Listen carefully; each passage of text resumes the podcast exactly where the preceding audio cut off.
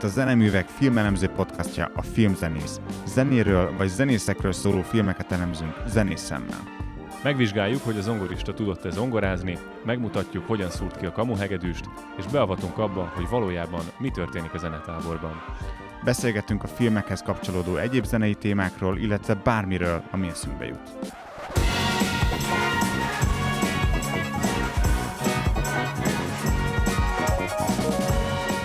Sziasztok, üdvözlünk titeket ismét a Filmzenész podcastban. Én Dénes Forowski Marci vagyok, és itt vagyok Szeidül Dénessel. Sziasztok!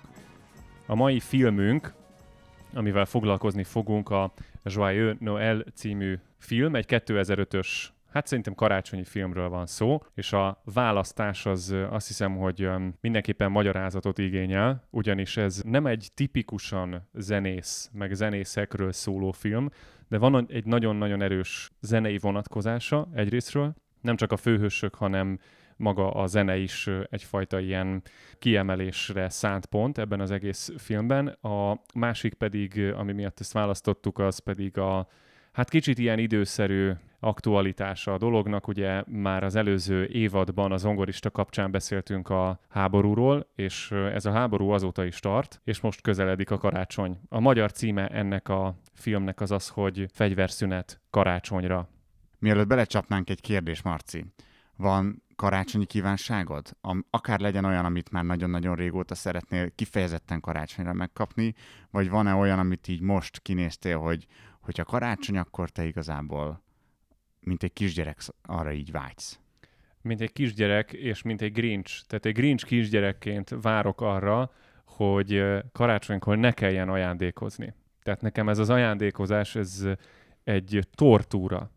Ugye az ajándékozás benne van az öt szeretett nyelvben, én szerintem ez egy bődületes tévedés. Tehát, hogy aki ezt belerakta, én nem is értem, hogy ezt miért tette, ugyanis nekem minden alkalommal az ajándékozás az egy kínkeserves folyamat, kitalálni, hogy ki mit szeretne, meg szóval én ebbe egyszerűen nem lelem az örömömet egyáltalán. Tudom, hogy vannak emberek, akiknek ez maximálisan szeretett és alig várják, hogy kitalálhassanak valakinek valamit, nem tartozom közéjük, úgyhogy én nekem a karácsonyi kívánságom az az, hogy engedjük el az ajándékokat, és azt hiszem, hogy ez most a családunknál részlegesen sikerült, ugyanis elégünk van már abból, hogy így a óriási családot körbe kell ajándékozni mindenféle dologgal, és azt találtuk ki, hogy idén húzunk, ugyanúgy, mint eddig, de most van egy ilyen kötelező kategória, amit közösen választottunk, és ez pedig az egy darab könyv a másik számára.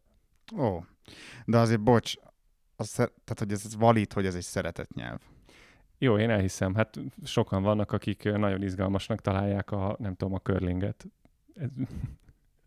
Hát nem, inkább azt mondanám, hogy vannak egy csomóan, akik nagyon utálják, hogyha mások hozzáérnek, és vannak, akiknek még nagyon fontos, hogy időnként megölelhessenek embereket, nem? Jó, adom, elfogadom. Te vársz ilyesmit karácsonyra? Azt nagyon kigondoltam, hogy ezt majd tőled megkérdezem, de fordítva nem gondolkoztam. Igazából nem.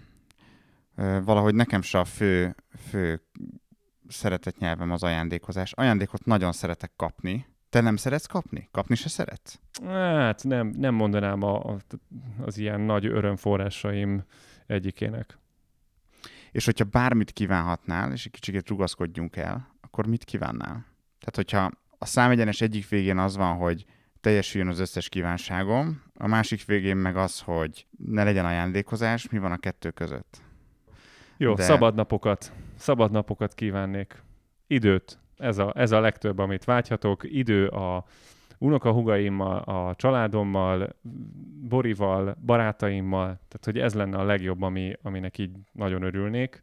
És azt hiszem, hogy egyébként zavarba ejtő módon, de az összes ilyen fűtés mizéria miatt a, mind a Zeneakadémia, mind a Zeneháza, mind az összes ilyen ö, intézmény a karácsonyi időszakban egy hosszabb szünetet fog tartani, és most ilyen egészen elképesztő módon sok szabad napom gyűlt össze erre az időszakra, úgyhogy ez lehet, hogy most teljesül is. Na, hát ez nagyon szuper. Képzeld el, hogy amikor így gondolkoztam ezen a kérdésen, gondoltam, hogy ez már milyen jó bevezető kérdés lesz ez a filmhez. És mindenféle olyan dolgon gondolkoztam, hogy ha lehetne kívánni egy free lakás felújítást, meg nem tudom, tudod, ilyen tipik, tipik ilyen földhez ragadt dolgok. Hát elég elszégyeltem magamat, miután megnéztem ezt a filmet, úgyhogy nekem, nekem ez biztos, hogy egy ilyen jó fókuszáló film volt, hogy mik az igazán fontos dolgok, tudod, ezek a közhelyek, amik ilyenkor karácsonykor mindig így, így elő-elő jönnek, most én ezt megkaptam így advent elején. Neked volt ilyen élményed? Emlékezteted, hogy örülj, hogy luk van a kilincsen? Vagy a luk van az ajtón? Volt, abszolút. És nyilván ennek a főhősünk hangot is ad, amikor arról beszél, hogy az emberek fejük fölött a melegből és a biztonságból eldöntik, hogy mi a feladata az árkokban, ők pedig az életüket kockáztatva hát háborúznak, vagy hát a filmünk esetében éppen elkerülik a háborúzás aktusát, és hát nyilván ez egy olyan pillanat, ahol azonnal tudtam reflektálni a mostani állapotokra, és na ezen gondolkoztam el nagyon sokat, hogy az valahogy szerintem mindenkinek egyértelmű, hogy a háború rossz.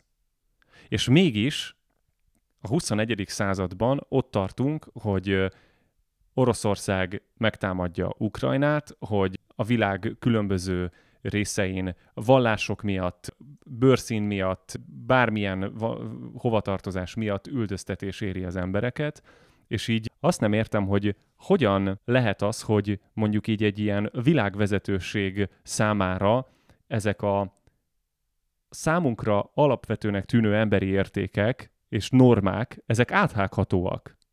És így megpróbáltam átgondolni azt, hogy van-e ennek bármilyen politikai, vagy ilyen hadászati, vagy egyéb érvelhetősége, hogy miért kellett lerohanni Ukrajnát például.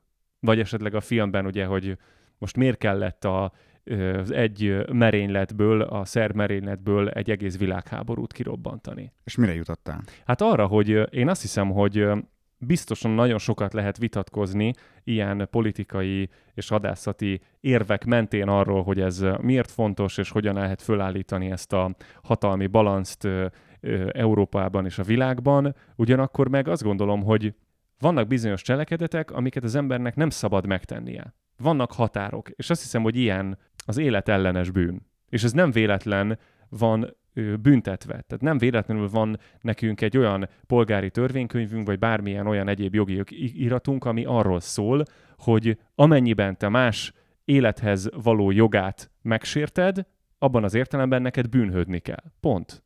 És ez miért van az MG-n szintjén nagyon komolyan hatá- korlátozva, és a nagyhatalmak szintjén pedig nincs korlátozva. És ez szerintem egy olyan kérdés, ami, amire a 21. századi ember, és te is, és millióan, mindaz a sok 162 ember, aki a podcastot hallgatja, e, szerintem egy emberként tudunk arra gondolni, hogy ez nem létezik, ez az abnormalitás. Ez hogy, hogy lehetséges? És egy ilyen űrtátong a fejemben, hogy hogy tarthatunk itt 2022-ben. Igen, voltam egyszer egy beszélgetésen, ami egyértelműen ilyen fenntartatósági beszélgetés volt még nyáron. Ott fogalmazták meg azt, és szerintem nagyon találó, hogy ez a háború nem a 21. századnak a háborúja. Ez a háború egy 19. századi háború. Csak valahogyan átcsúszott a 21. századba, igazából a 21. század háborúi nem a területekről, nem a politikáról fognak szólni, hanem valami teljesen másról. És hogy ez egy ilyen furcsa, ilyen történelmi maradványháború, ahol azt látjuk ezekben a háborúkban, hogy ugyanúgy, ahogyan a hétköznapi ember gyarló, meg béna, meg rossz, vagy rossz indulatú, gonosz, ugyanúgy a nagyhatalmak vezető is lehetnek ilyen típusú emberek. Ez nem lehet válasz? Lehet válasz, persze. Meg nyilván az jut eszembe, hogy voltak ilyen hírek, hogy az orosz katonáknak a nagy része nem tudta, hogy ez éles bevetés és hogy Ukrajnában döbbentek rá arra, hogy itt valójában mi is a feladat. Tehát, hogy akkor így egyből kapcsoltam a film mentén, hogy ez egy elképesztő abszurditást hordoz ez az egész helyzet, és ez a filmben szerintem nagyon-nagyon jól ábrázolva van, hogy ez mennyire hihetetlen az egyénnek a szintjén, ami történik, ez a valóság. Na de hogyha már filmről beszélünk, akkor beszéljünk egy picit erről a filmről, mert végül is mi zenészek vagyunk, ehhez értünk, és a háború az Igen, nyilván ez az egész fejezet most egy ilyen személyes véleménynyilvánítás, meg egy hangot adtunk annak, ami éppen bennünk van. Nem vagyunk sem szakértői a témának, sem nem szeretnénk ebben nagyon komoly megmondásokat fogalmazni, inkább csak egy ilyen személyes megnyilvánulás volt. Azonban tényleg, amit mondtál, hogy van zenei vonatkozása, ezért vagyunk itt. Mielőtt rátérnénk ezekre a zenei vonatkozásokra, beszélj légy szíves nekem arról, hogy milyen ez a film. Hogyha valaki megkérdezné, hogy miért pont ezt a filmet nézné meg, akkor mit mondanál két mondatban? Azt, hogy az abszurditásnak a valóságossága jelenik meg benne. Jó, akkor egy kicsit konkrétabban, hogyha leülök egy popcornnal, kinyitom a laptopot, megnézem ezt a filmet, milyen élményben lesz részem. Ez egy ö, karácsonyi romkom? Nyilván nem. Szerintem egy nagyon valóságos élményben lesz részed. Mert van egy ilyen kettősége a filmnek, hogy egyrésztről tökre érezni, hogy ez egy megrendezett film, ami tele van olyan motivumokkal, amik be megpróbálták besűríteni ennek az egész 1914-es karácsony estének a történeteit, az egész jelenséget, és emiatt egy picit ilyen dramatizált az egész, tehát nem egy dokumentumfilm, meg nem egy ilyen iszonyatosan reális bemutatása akar lenni annak, hogy ez valójában miről is szólt. Ugyanakkor meg hogyha egyesével néztem a jeleneteket, akkor azt éreztem, hogy ez tök valóságos tud lenni. És így egy ilyen fura kettősségem volt az egész film során, hogy egyrésztről egy művészi alkotást nézek, másrésztről pedig egy nagyon hiteles ábrázolását a helyzetnek. Ez a kettősség volt nekem az, ami így nagyon jelen volt. Ezt a kettőséget, ezt talán tudom írni, ezzel én is tudtam azonosulni. Nekem azért volt kettős érzés, mert azért egy háborús film, mert azért ez egy háborús film, egy háborús film az általában egy picit megrecsent. Ugye nem véletlenül hoztad fel ezt az egész témát, miért van ez az egész, hagyjátok már abba, stb. stb. És valahogy úgy engem a háborús filmek mindig elszomorítanak.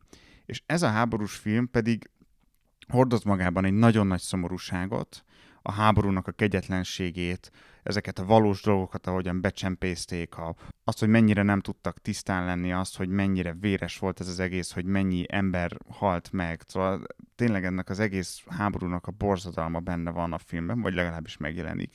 Közben meg mégiscsak egy nagyon szép, egy nagyon gyönyörű, egy ilyen mindenkit megmosolyogtató, kicsit ilyen megható történetről van szó. Nem véletlenül lett ebből film. És hogy valahogy ez a kettősség, ez, ez furcsán jelen van, talán mi azt szoktuk meg, hogy a tökéletesre beállított karácsonyi családi összejöveteleken történik meg a háború, itt pedig a háborúban történik meg igazából egy tök jó családi összejövetel. Igen, nekem még ami nagyon-nagyon tetszett ebben a filmben, hogy nem követi azt a szokásos ilyen dramaturgiai felépítést, ahol vázolják a szituációt, létrehozzák a konfliktust, a konfliktust gerjesztik, és a végén következik valamiféle ilyen megoldás, és a megoldás katarzist hoz el, és szépen megsimogatva a lelkedet lezárhatod a laptopodat. Hanem valami olyasmi történik a filmben, és ez nekem nagyon meglepő volt, hogy amiről a film szól, az így nagyjából a filmnek a közepén helyezkedik el. És a, az oroszlán részét, ez a mondjuk a második negyedtől a harmadik negyedig, nem, negyedik negyedig, tehát így a, a, a közepén látjuk a filmet megtörténni. És a vége is olyan, hogy nincs lezárás. Miért lenne lezárás? 1914-et írunk, és a háború még, nem tudom, három és fél évig fog folytatódni. Nekem ez hihetetlenül tetszett, amikor néztem a filmet, és rádöbbentem arra, hogy engem nem vesztegettek meg most a katarzissal hanem egy olyan ábrázolását kaptam ennek az egész helyzetnek, ahol érvényesül a szimbolikája a történetnek, érvényesül a lényegnek az átadása, és érvényesül az, hogy ezt az egészet egy olyan művészi közegbe ágyazzuk, ami megőrzi a valóságát a dolognak, és nem butítja le a gicsel vagy a katarzissal. Most én, a gics az nyilván egy negatív történet, a katarzis meg szerintem egy nagyon fontos pozitív történet, de hogyha ez a film úgy zárult volna, hogy itt most ilyen nagy fellélegzés, meg ilyen meghatódás, meg nem tudom, milyen kísérte volna a filmnézést, akkor szerintem elbaltázták volna az egészet. Igazából itt egy hosszú folyamatnak a pici részébe kapunk betekintést, egy olyan részletet ismerünk meg közelről, ami igazából nem befolyásolta a háborút. Lényegében nem, valóban. Mert utána jöttek más csapatok, és folytatódott tovább az egész. Tehát ott volt egy pillanatnyi áramszünet, és, és ment tovább minden a maga kerékvágásában. De ezt az áramszünetet egyébként utána a következő években megpróbálták újra létrehozni, 1915-ben és 16-ban is, de aztán ez ellen nagyon-nagyon keményen dolgoztak a háborút vezető fejesek. Tehát, hogy nagyon kon- konkrétan úgy tervezték el a december 24-i hadászati tervet, hogy az ellehetetlenítse az ilyen típusú békekötéseknek a pillanatát. Gyönyörű. Marci, hoztál egy nagyon jó témát, ezt kérlek vezest fel. Én azt hiszem, hogy ami mindenképpen ránk vonatkozik, az az a téma, hogy mit csinál a zenész a háborúban. És ugye a zongorista kapcsán ott láttunk egy verziót erre, de az a verzió az tulajdonképpen arról szólt, hogy mindent elveszített. Semmivé vált egyszerűen az egész élete, és ott a nullából, sőt nem nullából, a mínuszból kellett neki valahogy visszavergődni az életre, és utána megtanulni tovább élni. És ez az első világháborús történet azért egy egészen más forgatókönyvet vázol nekünk, ugyanis itt van egy operaénekes, aki önként jelentkezik arra, hogy ő szolgálni szeretne a fronton. Nyilván benne van az, hogy meg fog halni, benne van az, hogy akár vissza is jöhet, de hogy létezik az egzisztencia mögötte, van otthona, ahonnan ő jelentkezett, vagy ahová vissza fog tudni térni, van egy olyan kulturális közeg, ami megtartó erővel tud hatni, ha esetleg úgy döntene, hogy visszatér. És innen egyből idéznék is egy jelenetet a filmből. A főhősünk, akit úgy hívnak, hogy Nikolaus Spring, ő az operaénekes, egyszer csak megkérdezi az árokban a Herr Oberleitet, hogy miért nem szeret maga engem. És akkor azt mondja neki, hogy a maga fajta művészember itt haszontalan. Jó, de akkor te mit csinálnál a háborúban?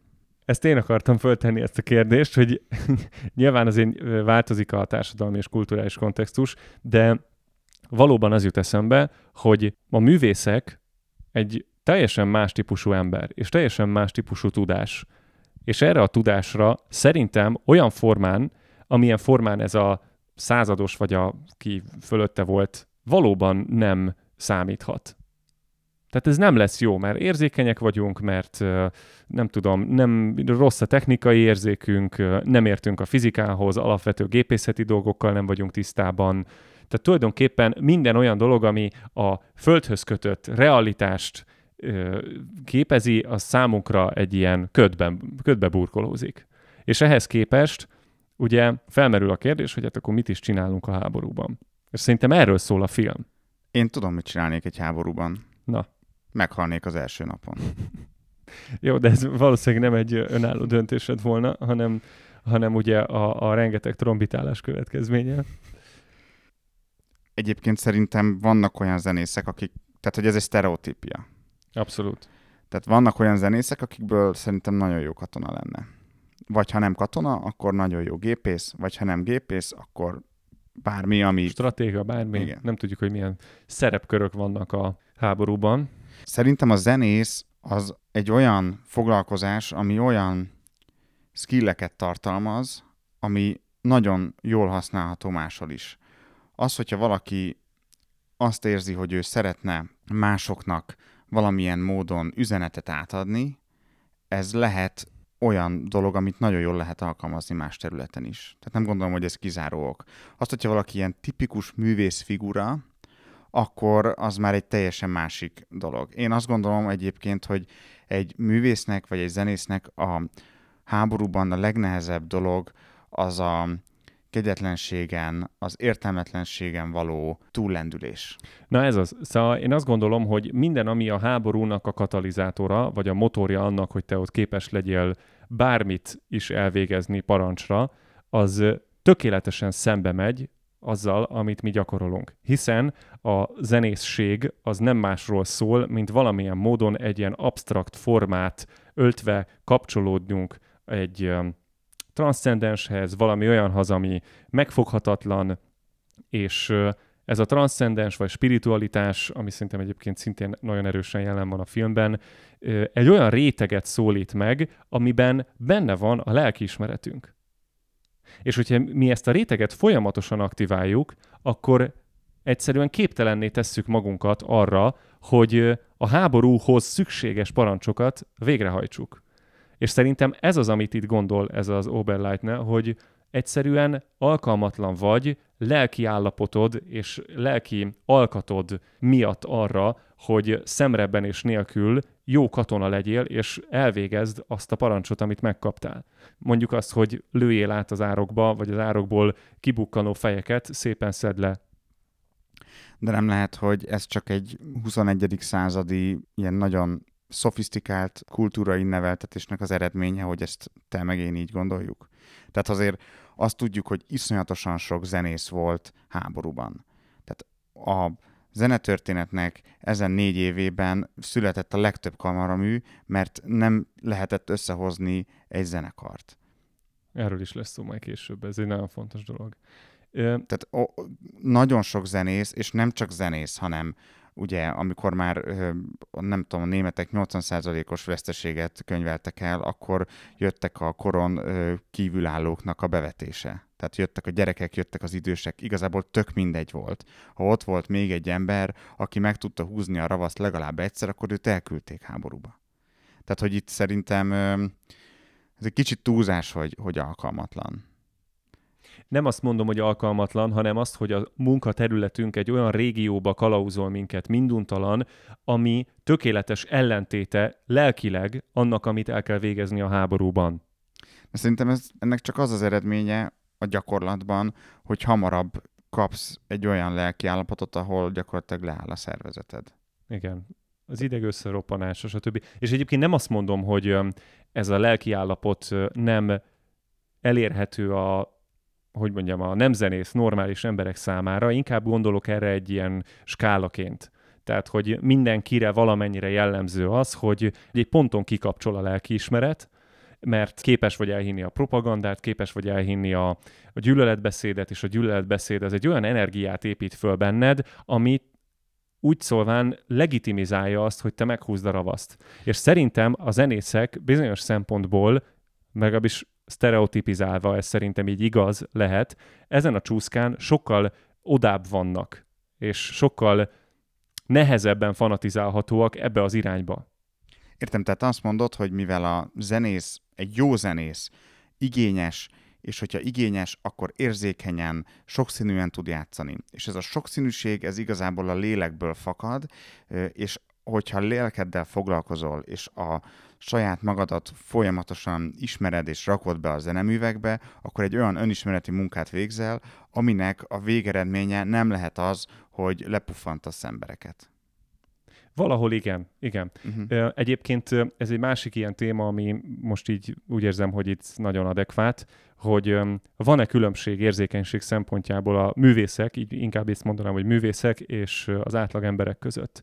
És én nagyon-nagyon sokáig azt gondoltam, hogy ez hülyeség, hogy nincs ilyen különbség, mindenki ugyanolyan normális ember, és ezek csak kifogások a művészek számára ahhoz, hogy bizonyos ilyen szociális privilégiumokat élvezhessenek, mert mondjuk rá tudunk legyinteni, hogy ó, művész, és akkor azt mondjuk ezzel egyidejűleg, hogy akkor tulajdonképpen neki ez belefér. És én mindig arra gondoltam, hogy nem, nem fér bele, mert van egy társadalmi konszenzus annak mentén, hogy mi hogyan akarjuk szervezni az életünket, és ez egy szabályrendszert hoz, ami szabályrendszert mindenkire ki kell terjeszteni. És teljesen mindegy, hogy itt most nem tudom, autószerelőről, futbalistáról, vagy pedig zenészről van szó.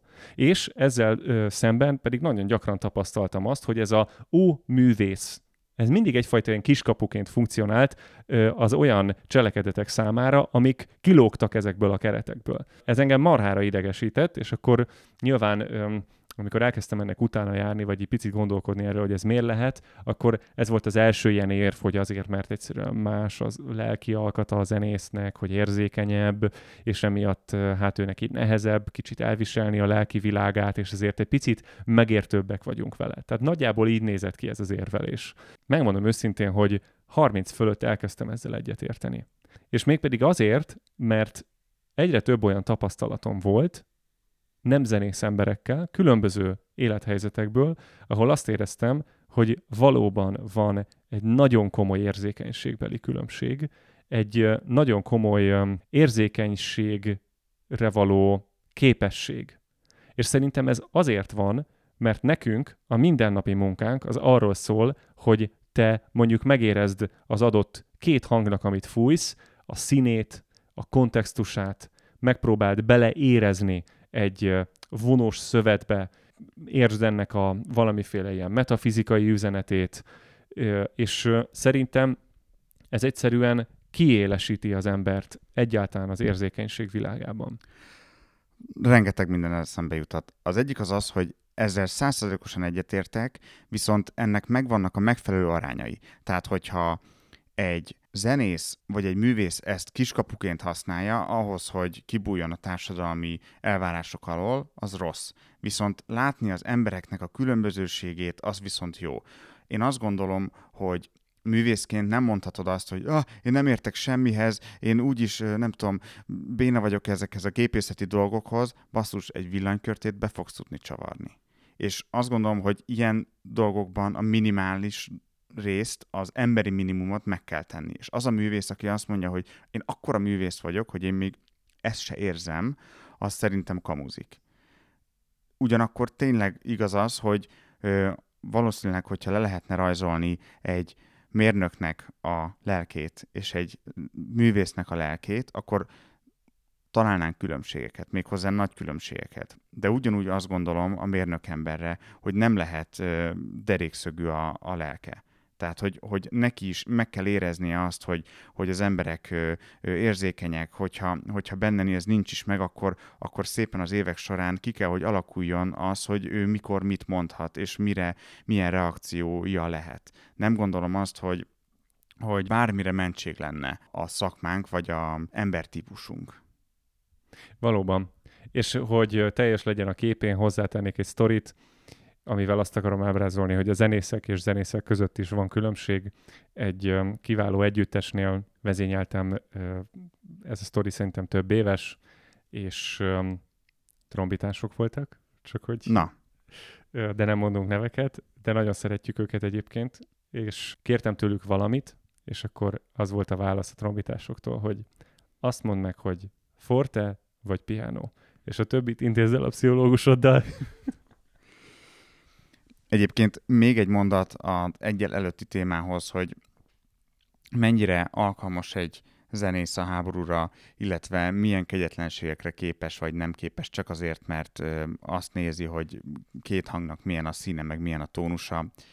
Gondolj bele, hogy hány kegyetlen, rossz indulatú zenész van, akik felhúzzák a fraknadrágodat, mielőtt bemész, és hogyha nem fekete az okni, hanem sötétkék, akkor beárulnak akik fölöslegesen felírják a, a késéseket, akik beköpnek, a karmesterek, akik olyan kegyetlen vezetők, hogy szerintem simán el tudnának vezetni egy-egy századot, hogyha van ilyen.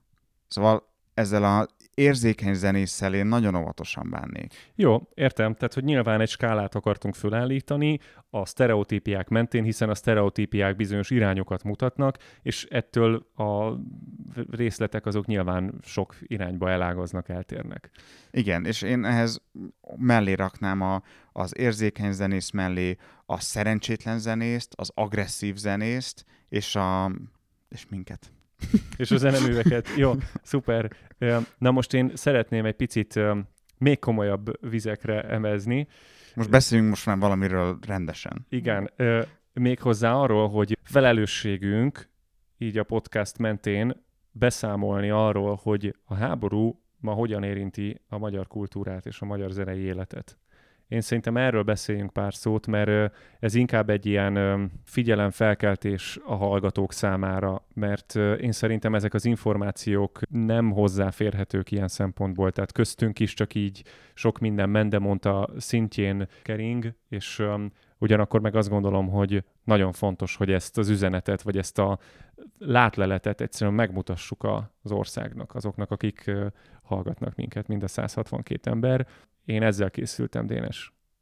Akkor most nem az első világháború előtti részről beszélünk, hanem most a ukrán-orosz háború előtti időszakról beszélünk. Ez gyakorlatilag egy paradicsomi állapot volt, ugye? Igen, előtte.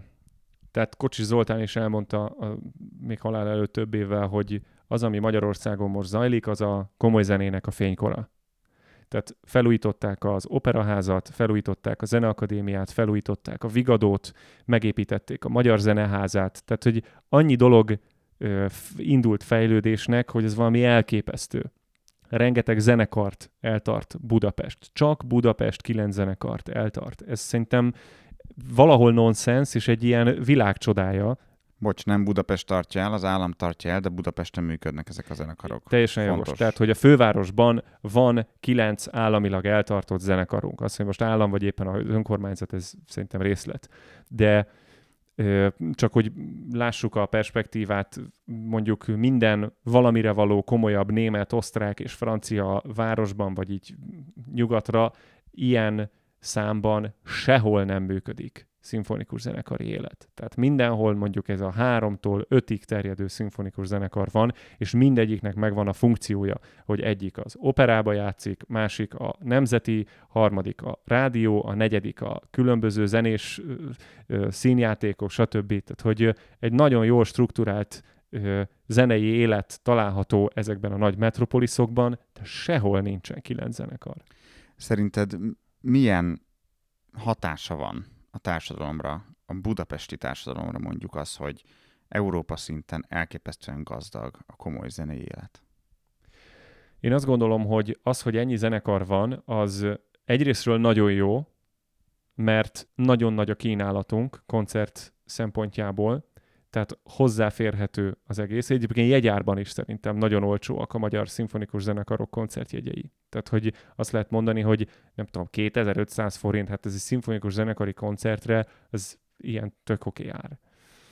Ez az, ez az egyik nagyon jó része a dolognak. A másik nagyon jó része az az, hogy tulajdonképpen, ha azt nézzük, hogy minden egyes zenekarnak van valamiféle gyerekműsora, vagy valamiféle ifjúságnevelő műsora, akkor egy olyan palettával rendelkezünk, ami a kultúrát már nagyon fiatal korban építi. Ez is fantasztikus dolog. És aztán persze vannak zenekarok, akik külön profilt alakítottak ebből. De ha mondjuk a nehézségeket nézzük, akkor az az, hogy ezek között a zenekarok között nagyon nagy a szintkülönbség.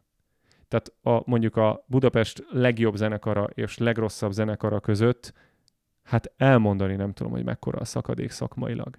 És ez például azért baj, mert olyan zenészek kerülnek ki a szakmába, a zeneakadémiáról, és kapnak helyet szimfonikus zenekari állásban, akiről mondjuk ki, nem kéne, hogy ezt a szakmát üzzék, mert rosszul csinálják. És mégis helyet adunk nekik, és aztán születik belőle egy Z-kategóriás koncertélmény. Én azt gondolom, hogy mind a kultúrának, mind pedig a daraboknak, mind pedig a hallgatóságnak érdeke az, hogy egy bizonyos szint alá ne züllesszük a daraboknak az előadását. Mit gondolsz erről? Hát azt, hogy ki mondja meg, hogy mi legyen ez a szint. Meg persze itt be lehet dobni egyből a kérdés, hogy de ha a zenei élményben van része, Értem. Nyilván ezt az egész egyenletet annak a kontextusában kell fölállítani, hogy mennyi pénzünk van rá mennyire megtérülő, mennyi zenész lehet eltartani, vajon eljárnak-e egyáltalán ennyien a koncertre. És egyébként azt kell, hogy mondjam, hogy fél évvel ezelőttig szerintem egy, sőt, inkább úgy mondom, hogy a Covid előtti időszakban ez egy viszonylag harmonikusan beállított egyenletnek tűnt nekem. Az, hogy ez államilag mennyire fenntartható a hosszú távon, az egy másik kérdés, és ennek én nem vagyok szakértője, úgyhogy erre így nem, nem tudok kitérni, de azt láttam, hogy a koncertekre járnak az emberek, a szimfonikus zenekarok normális műsorokat tudnak felrakni a, a, a koncertélet repertoárjára, és meg is tudnak nagyjából élni a fizetésükből. Tehát, hogy ez egy ilyen viszonylag jó harmónia volt. Ehhez képest egyrészt a COVID nagyon komolyan meggyengítette a zenekarok életét, de akkor mi kaptuk az állami támogatásból jövő fizetésünket, tehát nem voltunk ékoppon. De aztán ugye jött ez a háború, aminek következtében ez az energiaválság a koncert helyszínekre brutális hatással volt, és Zeneakadémiának bezárták épületét, több koncerthelyszín be fog zárni a leghidegebb hónapokra, és nem fognak tudni helyszínt biztosítani a koncerteknek. Vidéken nagyon so- sok helyen ilyen, ilyen központosítás van, tehát színház, zenekarok, hogy egy helyszínt kelljen csak fizetni. Szóval, hogy nagyon komolyan megvágták a lehetőségeinket, de ami még nagyobb érvágás az az, hogy a támogatásokat megvonták a zenekaroktól. Szerintem ez sokkal nagyobb érvágás.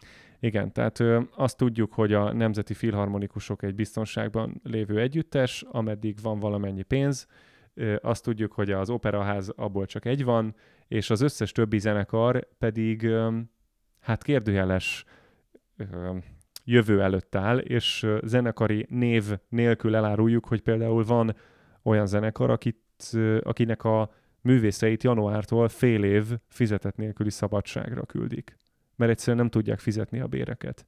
És a zenekarok többsége ott tart, hogy nem tudja, hogy decemberben vagy januárban hogy fogja kifizetni a béreket. Van olyan zenekar, ugye egy zenekari fizetés egy alapbérből áll, általában és egy spillpénzből. Az alapbér az az, amit azért kap, mert tagja a zenekarnak, a spillpénz pedig azért kapja, ahány szolgálatot játszott abban az adott hónapban. Ebből a kettőből áll össze egy havi fizetés. És most vannak olyan zenekarok, ahol ezt a másodikat, a spillpénzt, azt például teljesen leállították, és csak az alapbérért játszik az együttes. Szóval, hogy nagyon-nagyon durva helyzet van nálunk, és most már pánikolnak az együttesek. Ezt a pánikot csöndben tartják, meg véka alatt, hogy a lehető legkevesebben lássák, de én szerintem bátran kimondhatjuk, hogy a következő egy évben bőven benne van a pakliban, hogy több zenekar meg fog szűnni, és több száz zenész fog utcára kerülni. Hát nem tudom. Azt tudjuk, hogy nem tudunk semmit. Tehát igazából annyira úgy rendezkedett be a magyar komoly zenei élet, hogy ahova öntik a pénzt, ott működik a kultúra. Gyakorlatilag a, a jegybevételek, minden egyéb együttműködés, stb. stb.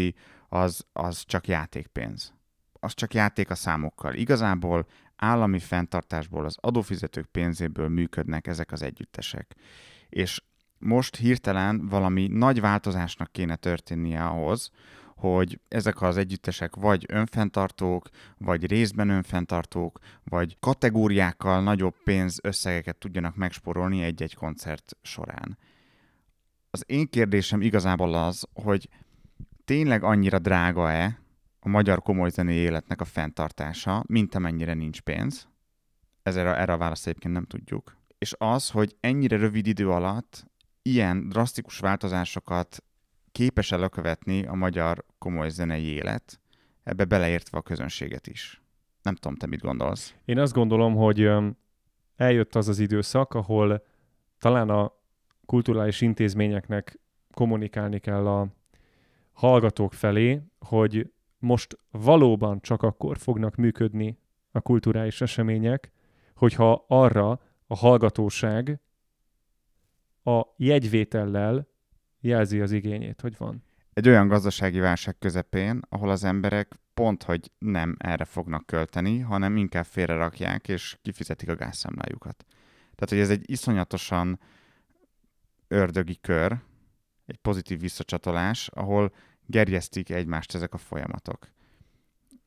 És én itt azt hiszem, hogy vissza is csatolnék a kalandozások közepette a filmhez, ugyanis a másik fő, főhősünk, Anna Sörensen, a énekesnő, benyújt egy javaslatot, tartsanak egy koncertet, ahol a második Vilmos német császárnak énekelnek, majd az ő párjával a fronton katonai szolgálatot teljesítő Nikolaus Sprinkel. És nyilván ebben az van, hogy egyrésztről szeretné látni a párját, másrésztről pedig hát szerintem egészen biztosan hiszi, hogy az, hogy egy ilyen állapotban egy koncertet szervezünk, az nem egy mindennapi dolog, és hogy ennek súlya van.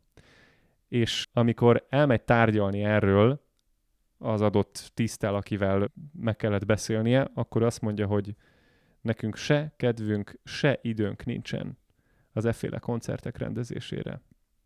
És aztán ott mond válaszként az Anna egy olyan mondatot, amit én elsőre egyértelműen zenei tartalmúnak éreztem. Aztán nyilván rájöttem, hogy nem feltétlen az, de kétértelmű lehet. Azt vár, azt mondja, hogy ja, mert hogy megkérdezi a fickó, hogy mit számít az az egyeste, csak egyestére látná. És akkor azt mondja, hogy nekünk egy perc hosszabb, mint önnek. És én annyira zenész vagyok, hogy első alkalommal így arra gondoltam, hogy hát ez az, igen, ez a zenéről szól, és hogy valóban hm. teljesen más, hogy telik az idő. Én teljesen másra gondoltam. Mire gondoltál? Nem, nem vállalható. Jó, öm, rendben. De ugye itt az Anna arra gondol, hogy az, hogy ők egy éjszakára láthatják egymást, az nem csak az a pár óra lesz, hanem... Hanem az az egy perc is. jó, értem. Jó, oké. Okay. Minden esetre én szerintem itt érkezünk meg a filmnek az egyik legfontosabb eleméhez, az, hogy mivel tud szolgálni a zenész a háborúban. Igen, arra, hogy oda megy a rezidenciára, és szépen énekel a elképesztően ijesztően néző őnagyság előtt. Én ennél patetikusabb választ akartam megfogalmazni.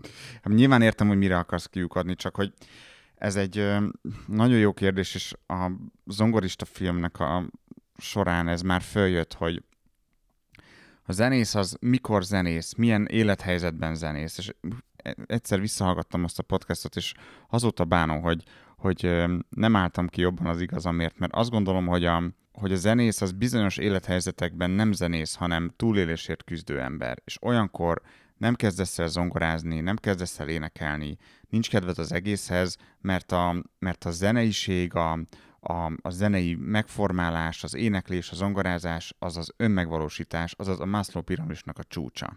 És amint kirúgják a lábad alól a talajt, nem azt nézed, hogy hol tudsz zongorázni, meg hol tudsz énekelni, hanem azt nézed, hogy hogyan tudsz túlélni.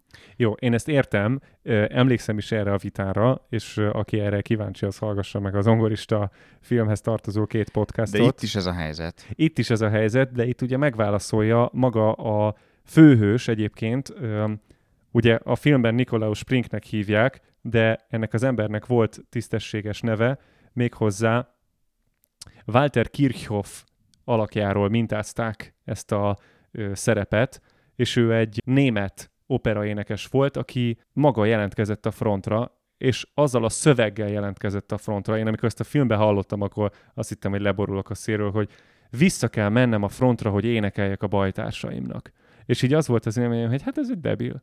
Hát mire kell nekik ott énekelni? Tehát, hogy nyilván arra gondolt, hogy a december 24-e ez a karácsony, ez a szent pillanat, ez nem telhet el spirituális pillanat nélkül, és hát a spirituális pillanat ebben a formában ugye a zene kell, hogy legyen, mert nem fognak tárlatot meg képeket nézegetni ott, de én azt gondolom, hogy továbbra is ez az énekes, a Walter Kirchhoff, az pont arra gondolt, hogy nekem a mélyponton, a társadalmi, kulturális és egyáltalán emberi mélyponton muszáj megkapaszkodnom az emberiség csúcsában, a művészetben.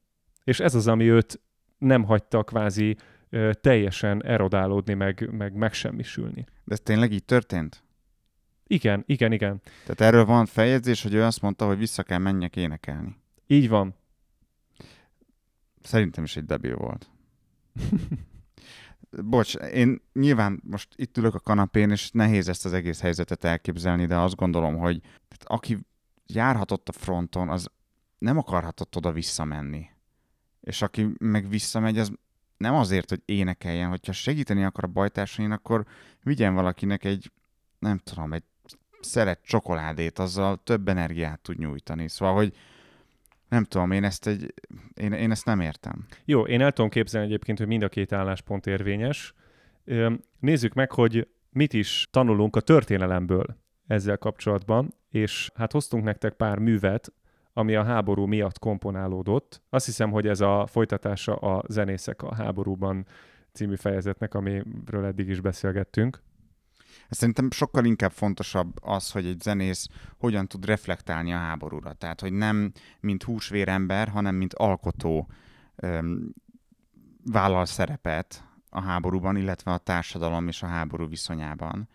És szerintem ez egy nagyon fontos része a, a történéseknek, főleg a feldolgozásban. És én azokat a darabokat szeretem igazából, amik segítenek az embereknek feldolgozni ezeket az élményeket. Amikor hazajön egy zeneszerző a frontról, vagy találkozik egy barátjával, aki hazajött a frontról, és beszélgetnek egyet, és aztán ír egy darabot. Szerintem ezek százszor fontosabb dolgok társadalmi szinten, mint az, hogy mennyire tudod meghúzni a ravasz zeneszerzőként, illetve... Milyen szépen énekelsz karácsonykor a fronton? Igen. Jó, oké. Okay. Én, én ennél jobban bevonódtam a filmbe, meg az egészben én nekem nagyon-nagyon erősnek tűnt ez a, ez a gesztus később. Tehát a, amikor ott kimondta a filmben a fickó, akkor nyilván idiotizmusnak tűnt, de amikor az az egész jelenet megtörtént, és kvázi valóságá vált a szemünk előtt, akkor volt uh, számomra igazán tartalmas és uh, logikus döntés. Szerintem abban a helyzetben nem kell, hogy egy opera énekes énekelje a Stillenachtot. Akkor tök mindegy, hogy ki énekli. Ez, ezzel, ezzel valószínűleg egyetértek. Na de akkor nézzünk meg egy ilyen... De egyébként, da... bocs, csak ugye volt olyan, hogy ott énekeltek úgy is, hogy nem találkoztak, meg nem tudom, és ott, hogy amikor felállt egy operaénekes, és ő elénekelt valamit, az, az már más. Tehát amikor énekelnek, énekelnek, és akkor hirtelen föl kell egy operaénekes, és ott elénekel egy dalt, szerintem annak már van művészeti értéke, és ott, abba a kis közösségben ez egy fontos gesztus lehet. Na, akkor Tehát, viszont ez, ez, erre muszáj óriási a különbség. Ez azt jelenti, hogy tegyük fel, hogy ott vagy az ellenséges frontban, és egyszer csak azt látod, hogy egy fickó, akinek a hangjáról hallott, hogy ő zenész, tehát hogy ő tényleg tud énekelni, nem csak szeret, feláll és elkezd énekelni valamit, és elkezd felé jönni, akkor a zenészsége miatt nem lövöd le? Én egyébként azt gondolom, hogy abban a pillanatban, amikor meghallod valakiről, hogy ő egy zenész, akkor hirtelen már nem csak egy lepuffantani való katonát látsz, hanem egy embert. És amint meglátod a, a tárcájában a, a képet, amint megcsörren az órája a zsebében, amint hirtelen nem egy, egy alaktalan gonosz lesz, aki ellen harcolni kell, hanem egy, egy személy, akinek munkája van, érzései vannak, családja van, onnantól teljesen más rekeszbe kerül az agyba meg a lélekbe. Még ezeknek a agymosott katonáknak is. Tehát szerintem ez a, ez a kulcs, hogy, hogy ezért fontos, és ezért lehet fontos egy jó éneklés a fronton, mert, mert megérinti a, az embert úgy, hogy nem tudsz vele mit csinálni, mert amit hallasz, az, azt nem tudod nem befogadni de akkor mégiscsak egy merőben más helyzetről beszélünk akkor, hogyha egy énekes áll föl és kezd el énekelni az árokban, mint arról, hogyha valamelyik katona a saját kis természetes nyers hangján kezdi el ugyanazt énekelni. Igen, de nem azért kell visszamenni énekelni, hogy a katonatársaknak jobb kedve legyen. Jó, én ezt értem, de... Tehát van, van jelentősége, csak nem ezért. Jó, de más a, de pont, pont ezt erre akarok rákérdezni, hogy ha ő visszamegy énekelni a bajtársainak, és mondjuk az ellenségnek, akkor az a szituáció azzal, hogy azt ő énekli, az minőségileg más értelmet nyer, mint hogyha bármelyikük közülök énekelte volna. Igen. Ebbe biztos. Mert én nekem egyébként a filmből ez, ez az élmény jött le. Tehát, hogy kicsit olyan, mint amikor megérkezik a, az, aki az illetékese ennek a területnek, amiről azt tudod mondani, hogy na igen, igen, ez az ő, ez az ő dolga. Hogy akkor most uh, mi nem is egy sima éneklést, egy jókedv kinyilvánítást hallunk, hanem abban a, azon a ponton, hogy ezt egy énekes kezdi el énekelni, onnantól kezdve egy művészeti alkotást hallunk. És ennek van egy szentsége. És emiatt az az állapot, amiben te azt hallgatod, az más, mint amikor a haverod énekli. Igen, ezzel egyetértek. Tehát, hogy ilyen formán én ezt el tudom fogadni, hogy ő egy művészeti alkotást akart vinni a bajtársainak, az fel lehet tenni azt a kérdést, hogy ez most többet ére, mint egy csoki. Én el tudom képzelni egyébként, hogy többet ér bizonyos embereknek. Tehát biztos, hogy volt azokban az árkokban olyan ember, akinek ez életmentő lehetett.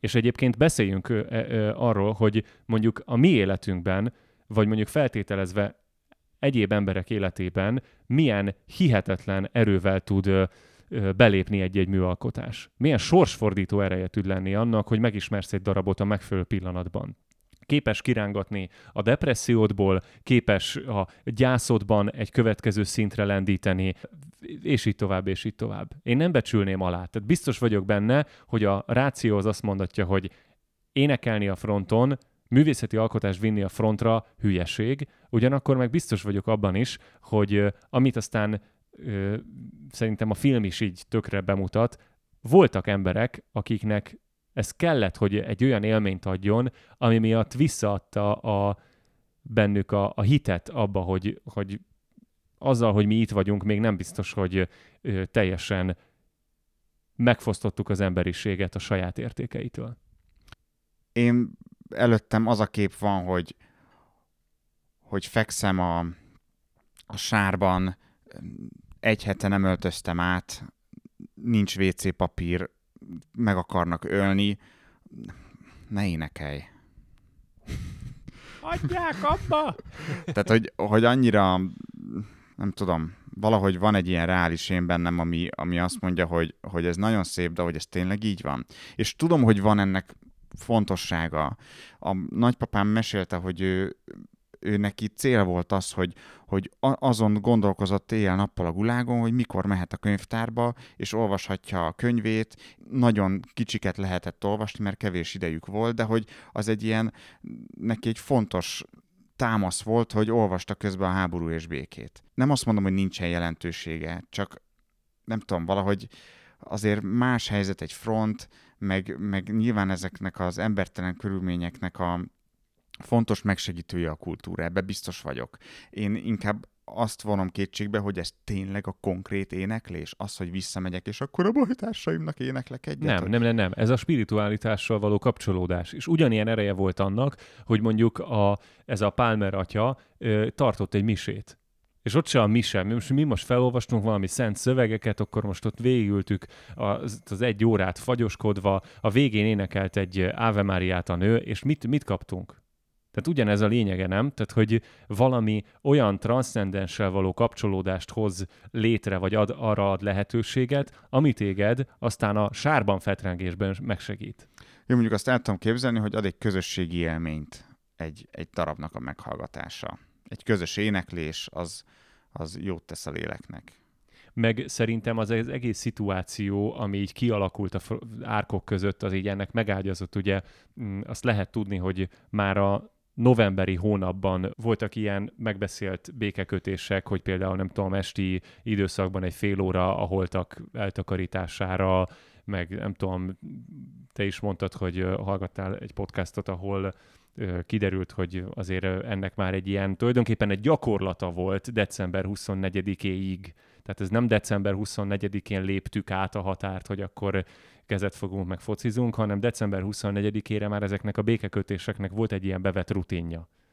Hát én úgy tudom, hogy megágyaztak ehhez a döntéshez, és nagyon sok olyan apró helyzet volt, kaja átdobálás, beszélgetés, levélcsere, mit tudom én, ilyen, ilyen-olyan gesztus ember és ember között, ami végül megágyazott ennek a, ennek a december 24-i fegyverszünetnek. Na és pont ebben a kontextusban tudom elképzelni azt, hogy igazából ők már annyira nem félhettek egymástól. Tehát, hogy meg kellett, hogy szavazzák egymásnak ezt az emberi bizalmat, hogyha megbeszéltük, hogy ekkor és ekkor nincs ö, támadás, akkor én biztonságban vagyok a senki földjén. És kimeltek, vol, vol, voltak ilyenek, hogy, hogy nem tudom, ott gyakorlatoztak, meg tornáztak, meg ilyen egyéb dolgokat csináltak, és tudták, hogy ők ott a senki földjén már pedig biztonságban vannak. Tehát, hogy ez egy szerintem egy nagyon fontos bizalmat feltételez, és ez a bizalom, ez pedig helyet ad mondjuk egy kulturális élménynek a befogadásához. Igen, de ez a kulturális élmény már akkor van, amikor megtörtént ez a bizalom, és egy picit már helyreállt a biztonság, és keressük az értelmes időtöltést, és ennek fontos része a kocintás, a foci, a kultúra, a mise, az ének, stb. stb. Jó, hát igen. Több kanyarral, de végül is megérvelhető az, hogy miért akart visszamenni énekelni. Oké. Okay. És a, biztos vagyok benne, hogy az említett perspektívák egyszerre voltak jelen. Jó, én innen szeretném üzenni az összes kollégámnak, és egyszerre neked is, hogyha frontra jutunk, én nem fogok visszamenni énekelni. Én szeretnénk is kérni, hogy az éneklést ezt mellőzd. Én azt mondom, hogy legyen jövő héten a zeneszerzőknek a bemutatása, akik a háború mellett alkottak. Kezdjük ezzel, és akkor rámegyünk onnan a klasszik rendőrségre, és akkor így kanyarodunk ki ebből a filmből, és ezzel együtt ebből a podcast epizódból is. Jó, rendben. Ugyanis azok a darabok, amiket így válogattunk, ezek egyfajta ilyen kedvcsinálóként is működnek, meg szeretnénk, hogyha ezekről így tudnátok, hogy ilyenek születtek, mert van köztük egy-egy ilyen nagyon érdekes is, ami tényleg azért alakult olyanná, mert a háború azt indokolta. Ennek kapcsán szerintem ez egy ilyen tök fontos érdekesség, kulturális kontextus.